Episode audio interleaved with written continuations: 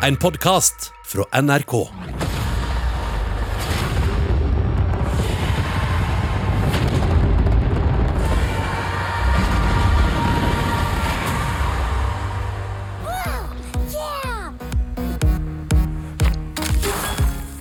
Det du hører her, det er fra noen eh, ganske kjente dataspill, nemlig Call of Duty og Candy Crush. For nå skal det nemlig handle om skandalen rundt selskapet som står bak disse spillene. Delstaten California reiste søksmål mot et av verdens største spillselskaper for seksuell trakassering. Undersøkelsene har pågått i to år, og reaksjonene har denne uken vært eh, sterke. Rune Fjell Olsen, NRKs spillanmelder, du har fulgt med på dette her. Hva er det de er anklaget for?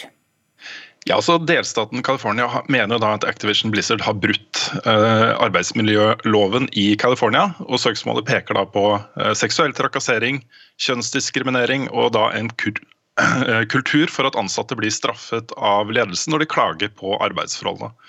Og I kjølvannet av søksmålet har da en rekke nåværende og tidligere ansatte i selskapet styrka de alvorlige påstandene ved å fortelle sine egne historier. Og Det er i det hele tatt utrolig dramatisk, dette her. Eh, Activision Blizzard er det største spillselskapet i Vesten. Det jobber over 9000 mennesker der, og de omsatte da i fjor eh, for over 8 milliarder dollar. Men det har murra mye rundt arbeidsforholdene der i flere år nå, og jeg opplever det litt som at det har blitt stukket hull i en sånn fæl verkebyll her. Men Hva sier ledelsen i selskapet til disse anklagene? Den umiddelbare reaksjonen var jo ikke spesielt god. Eh, det var flere ledere i selskapet som i stor grad avviste eh, søksmålet og sa de ikke kjente seg igjen i beskrivelsen her. Eh, senere har det snudd litt. Det har blitt sagt fra bl.a. Blizzard-toppsjefen J. Allen Brack, som er en av de navngitte Blizzard-sjefene i søksmålet, har da internt oppfordret alle ansatte som opplevde trakassering eller diskriminering til å si fra, og at denne typen oppførsel fra ledere er fullstendig uakseptabelt. Og så har da også Activision Blizzard-toppsjef Bobby Kotick eh, fulgt opp med et offentlig brev til alle ansatte eh, der han kaller den umiddelbare reaksjonen fra ledere i selskapet for tonedøv. Nå er det da engasjert et, eh, et svært eksternt advokatfirma til å evaluere ledere og mellomledere i hele selskapet. Og Målet til Kotik sier han, er at ansatte skal ha en respektfull og inkluderende arbeidsplass. Og så er det mange da som er skeptiske til hvor troverdige forsikringene til Kotik er. Han er ikke akkurat kjent for å være en eh, samlende og populær toppsjef. Men det interessante her er, liksom, det er hvor avhengig selskapet er av aksjekursen eh, og de mange aksjonærene eh, i selskapet. Og Aksjekursen har stupt etter søksmålet og de mange reaksjonene. Så jeg har jo et håp da om at endringer vil måtte komme for å få selskapet på rett kjøl igjen. Og En av disse aksjonærene i selskapet er da faktisk det norske oljefondet. Så skriver amerikanske aviser bl.a. at ansatte har fortalt om noe de kaller cube crawl. Hva er det for noe? Altså Detaljene i søksmålet er faktisk på det nivået der. Eh, her skal da mannlige sjefer og ansatte ha drukket seg fulle og krabbet rundt da i kontorlandskapet for å klå på kvinnelige ansatte. Det generelle arbeidsmiljøet blir beskrevet, beskrevet som en giftig gutteklubb. og Når det er snakk om rundt 80% mannlige ansatte i dette selskapet, er det klart at denne typen oppførsel blir, blir skremmende og overveldende for kvinnelige ansatte. Men er dette et utslag eller en etterdønning kan vi si, av eh, metoo? Ja, det er det absolutt. Ehm, jeg tror jo at eh, store deler av spillbransjen har eh, sluppet unna de første metoo-bølgene fordi de ansatte ikke har turt å si fra. Dette søksmålet peker da f.eks. på at ansatte som sier ifra, har risikert å bli straffet for det. Og jeg tror det har vært en kultur for at ansatte kan erstattes hvis det blir for vanskelig anførselstegn. Eh, samtidig er det jo snakk om en veldig mannsdominert bransje her, og det kan virke som om mange har tatt med seg ganske usunne holdninger til bl.a. kvinner inn i sine plutselige lederroller i digre selskaper. Eh, kjernen i denne saken er, er, jo den samme som i alle andre metoo-saker. Dette handler om menn i makt som utnytter sin posisjon på mildt sagt negative måter. Og Det er noe da spillbransjen kollektivt må rydde opp i. Takk skal du ha, NRKs spillanmelder Rune Fjell Olsen.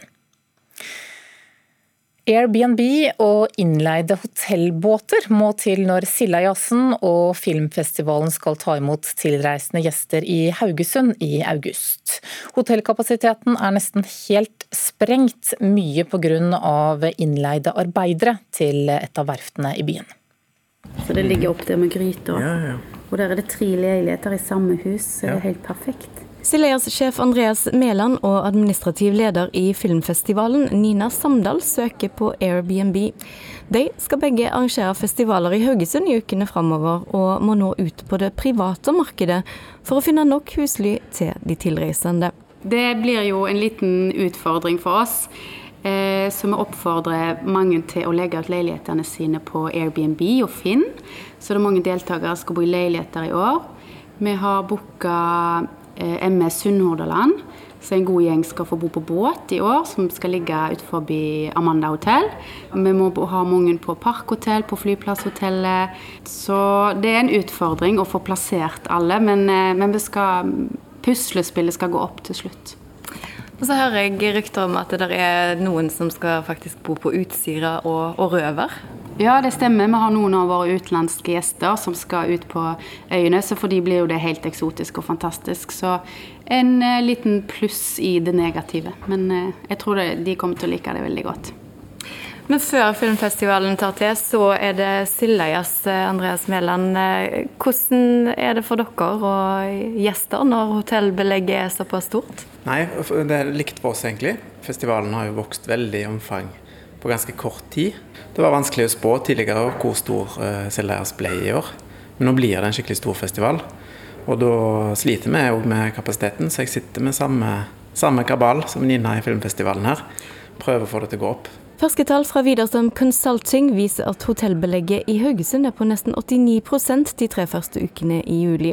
Det er høyest i landet. Det skal vi se på. Et lite øyeblikk skal vi bare finne fram her. Der har jeg to rom igjen. Fungerende hotellsjef ved Clarion Collection Amanda i sommer, Geir Olsen, får stadig inn bookinger. I sommer har hotellet nærmest vært fullt. Hotellet er også festivalhotell for filmfestivalen, men kan ikke tilby festivalen alle de rommene de trenger. Det er utrolig kjekt når det kommer masse masse folk til Haugesund, og både i forbindelse med den festivalen og andre. Så, men det er, det er også en liten bismak på det, at de vi må faktisk ut så langt i markedet for å få tak i, i, overnatting. Hva er det som er grunnen til at eh, belegget i Haugesund er så skyhøyt? Ja, der er det flere ting som uh, kan, uh, kan, snakkes om. Men én uh, ting er selvfølgelig trafikken inn mot Able med deres underleverandører. Men jeg må jo også si det at for hotellets del så, så, handler det også om det konseptet vi har. Som slår ut i full blomst med sommertrafikken. Er dette et nytt problem, eller har det vært sånn tidligere òg? Vi hadde en liten hotellkrise i 2017 under festivalen. Ehm, men utenom det så, så pleier det å gå opp. Ja, nå har det vært bra kapasitet i noen år. Men uh, dette er tilfellet for de aller fleste festivaler. At uh, innimellom så dukker det opp sånne kriser. Så det har skjedd i Sildajazz òg flere ganger. Til slutt her hørte vi Sildajazz-sjef Andreas Mæland. Reporter det var Rosa Irén Villalobos. Trakassering i et av verdens største spillselskaper var tema her i Nyhetsmorgen bare for noen få minutter siden. Nå skal det handle om hyggeligere nyheter fra spillverdenen, kulturreporter Tarjei Moe Batalden.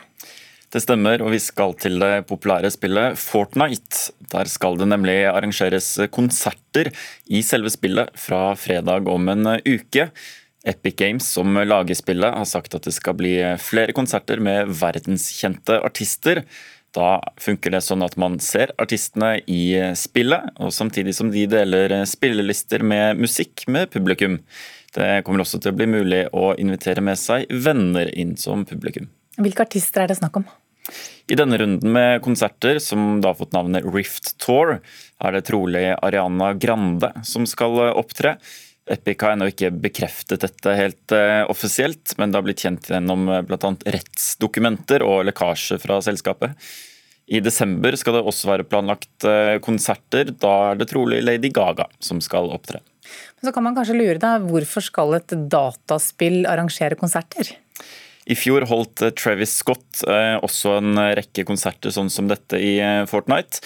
Da det, ble det satt rekord i antall aktive spillere i spillet. Da var hele 12 millioner inne samtidig for å delta. Eh, Scott skal ha tjent rundt 20 millioner dollar på denne konserten, ifølge magasinet PC Gamer. Så det er jo tydelig at det er et eh, stort marked for dette. Before I was an Avenger. Before I got this family. I made mistakes. choosing between what the world wants you to be. Vi skal snakke om film også. Scarlett Johansson i filmen 'Black Widow', som vi hørte klipp av her. Filmen hadde premiere for tre uker siden, og nå er det kjent at Johansson eh, saksøker Disney. Ja, for Disney valgte nemlig å lansere filmen på sin egen strømmetjeneste, samtidig som på kino. Det mener Johansson hun har tapt millioner av dollar på, siden folk heller strømmer filmen enn å se den på kino. Og på Disney Pluss kan man da se den ved å betale 259 kroner, i tillegg til at du da må ha Disney Pluss-abonnement fra før av. Eh, advokaten til Johansson sier at eh, Disney gjør dette for å øke sin egenverdi og aksjekurs, og bare bruke koronapandemien som et påskudd. Vi husker at denne filmen bl.a. er spilt inn på Sunnmøre. Hvordan kan hun ha tapt så mye på denne lanseringen? Inntektene hennes skal være basert på kinoinntektene fra billettsalget, og de har da vært lavere enn forventet. Det mener hun da er pga. denne samtidige lanseringen. Black Widow er blant de filmene i Marvel-universet som har tjent minst penger. Eh, bare 150 millioner dollar på tre uker. Eh, Disney svarer at de ikke har brutt noen kontrakter, og at Johansson ignorerer de globale effektene av pandemien på en ufølsom måte, sier de. Ja, Vi får se hvordan det går med rettssaken. da. Takk skal du ha, kulturreporter Tarjei Mo Batalden. Du har hørt en podkast fra NRK. Hør flere podkaster og din favorittkanal i appen NRK Radio.